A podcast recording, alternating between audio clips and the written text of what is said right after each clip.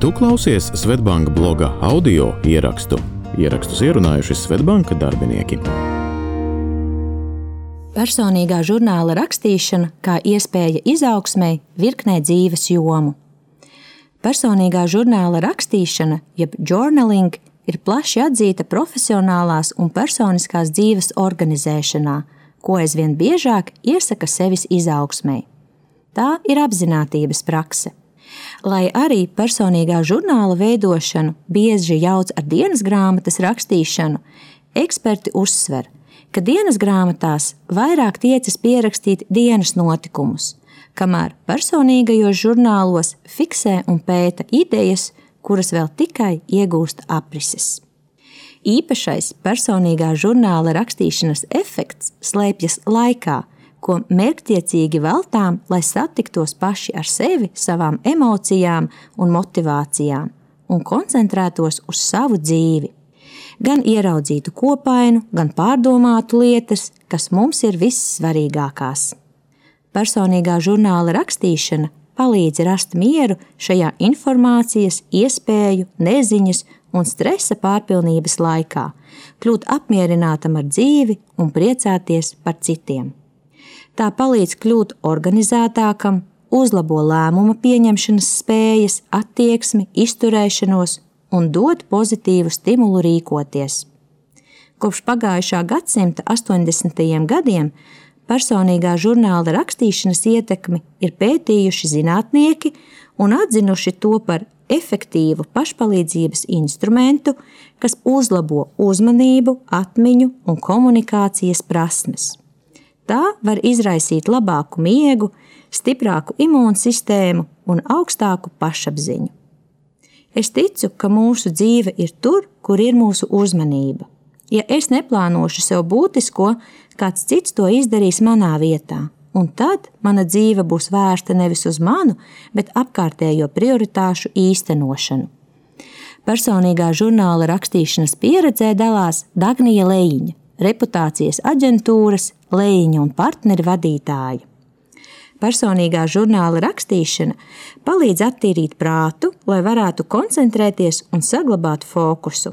Ja iepriekš žurnālus rakstīju vairāk intuitīvi, jau gadu mērķtiecīgi plānoju uzdevumus gadam, mēnešiem, nedēļām un katrai dienai pēc bullet journal sistēmas. Es nevien plānoju un izpildu, bet arī pārdomāju uzdevumus un pieņemu lēmumu par to, kā rīkoties ar nepaveiktajiem, pārcelt uz citu dienu, nedēļu vai mēnesi, vai atteikties no tiem. Man ir svarīgi nevien piefiksēt uzdevumus, bet uzreiz ieplānot tos kalendārā, lai iegūtu realistisku skatījumu uz pieejamo laiku un iespējām. Tas palīdz kļūt prasīgākai gan pret sevi, gan citiem lai arī esmu testējusi vairākus digitālos risinājumus, izvēlos pierakstu bloku un pildspalvu, jo rakstīšana ar roku dod vairāk iespēju radošumam, sapņošanai un refleksijai. Es rakstu agri no rītiem, īsi pēc pamošanās, jo tas ir mans visaugstākais enerģijas laiks, turpina Dagnija Leņa. Lai arī personīgo žurnālu katrs var rakstīt atbilstoši savam dzīves ritmam, katru dienu, ik pārdienas, reizi nedēļā, ir ļoti būtiski radīt ieradumu un nepalaist to pašplūsmā. Tas nozīmē atrast vietu un laiku, visbiežāk 15 līdz 30 minūtes rītos, kad vēl nav ieslēgušies dienas aizsarga mehānismi un filtri, un ievērot regularitāti. Personīgā žurnāla rakstīšana no rītiem palīdzēs būt organizētākiem un fokusētākiem dienas laikā. Tomēr, ja rīti galīgi nav tavs laiks, būs vērtīgi rakstīt arī jebkurā citā.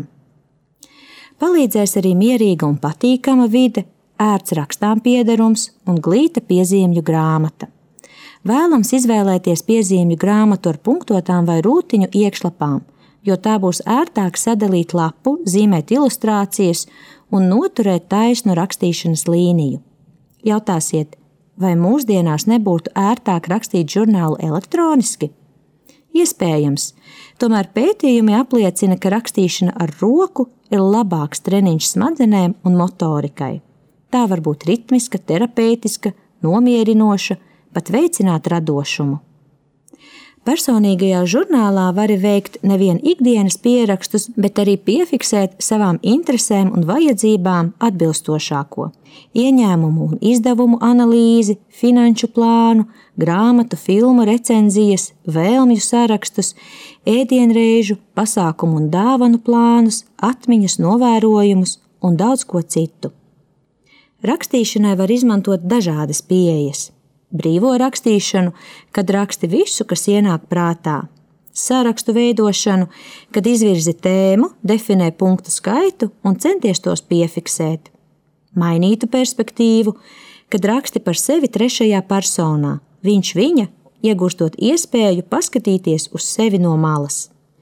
Vēstules, kuras raksti gan sev, gan citiem cilvēkiem un iedomu tēliem, var rakstīt nevien vēstuli, bet arī atbildi uz to zīmējumus un vizualizācijas, asociāciju virtenes, jautājumus un atbildes, dialogus, pat ierakstīt mūziku. Neizverzi sev pārāk augstas gaidas par rakstības kvalitāti, kas var nobremzēt vēlmi vispār to sākt. Personīgajā žurnālā tu vienkārši izliec savas domas, to, kas ir sakrājies, nevis gatavo noslīpētu rakstu publicēšanai. Personīgajā žurnālā vari rakstīt jebko, kas tev ir aktuāls. Viedokļus, sajūtas, emocijas, notikumus, sapņus, mērķus. Šis pašizziņas un pārdomu process var palīdzēt uzņemties vairāk atbildības par savu finanšu dzīvi. Pievēršoties saviem lēmumiem un rīcībai, vari nevien izanalizēt tēriņus un saprast, kuri ir bijuši lieki, kas tos sekmēja un kā no tiem izvairīties, bet arī definēt finanšu mērķus un pieņemt ilgtermiņa lēmumus. Lai atvieglotu pārdomas par finansēm, vari sākt atbildot uz šiem jautājumiem. Kāds ir labākais finanšu padoms, kuru savā dzīvē esi saņēmis, un kā to piekop ikdienā? Kas ir tavs galvenais klupšanas akmens, kas traucē veidot uzkrājumus, piemēram, drēbes, ceļojumi, ēdieni, dzērieni, hobiji, skaistumkopšanas rituāli? Kas tev būtu jāizmaina savā ikdienā, lai varētu atlikt uzkrājumiem 3-5 eiro. Piemēram, gatavot kafiju un pusdienas mājās, samazināt našķus, doties uz darbu ar kājām vai sabiedrisko transportu, pārskatīt abonēto aplikāciju skaitu. Kā tu rīkojies ar naudu stresa situācijās, Piemēram, nedomā par to, izvairies no tēriņiem, iegrimsti darbā, treniņos, ēšanā vai kompensē stresu ar kādu impulsa pirkumu. Īpaši noderīgi ir personīgajā žurnālā mērķtiecīgi fokusēties uz pozitīvo un ikdienu vai pārdienas piefiksēt kaut vienu vai divas lietas, par kurām esi pateicīgs. Sākumā tas var būt kas ļoti vienkāršs garda kafija, mīļākā dziesma radio, ar laiku attīstot spēju katru dienu ieraudzīt kaut ko jaunu un būt pateicīgam par citkārt it kā pašsaprotamām lietām. Šāds paradums palīdz būt apmierinātam, lai arī kas notiktu apkārtējā pasaulē. Cilvēki, kuri ir apmierināti ar dzīvi, netērē tik daudz naudas, jo viņi nejūt spiedienu atbilst dzīves stilam, kuru nevar atļauties. Viņi var izrauties no dzīvošanas no algas līdz algai, jo netērē naudu, lai justos labi, kā arī iegulda naudu uzkrājumos, jo viņiem nevajag tērēt visu naudu, lai iegūtu vairāk lietu un kādam kaut ko apliecinātu. Personīgā žurnāla rakstīšanā svarīgākais ir nevis kad, kā, ar ko un uz kā to dari, bet kāpēc. Lai labāk saprastu un vadītu sevi, ieraudzītu jaunus apvāršņus un palīdzētu sev augt, sagatavotos dienai vai pārdomātu pagājušo, atbrīvotos no nomācošā. Tā ir domāšana uz papīra. Nav pareizo vai nepareizo pieeju, nav cenzūras vai vērtēšanas, tas viss ir tev. Galvenais ir darīt, pārvarēt pirmo aizturi, tukšās lapas priekšā un sākt rakstīt. Kaut tikai vienu rindiņu, kaut tikai pāris pateicības vārdus.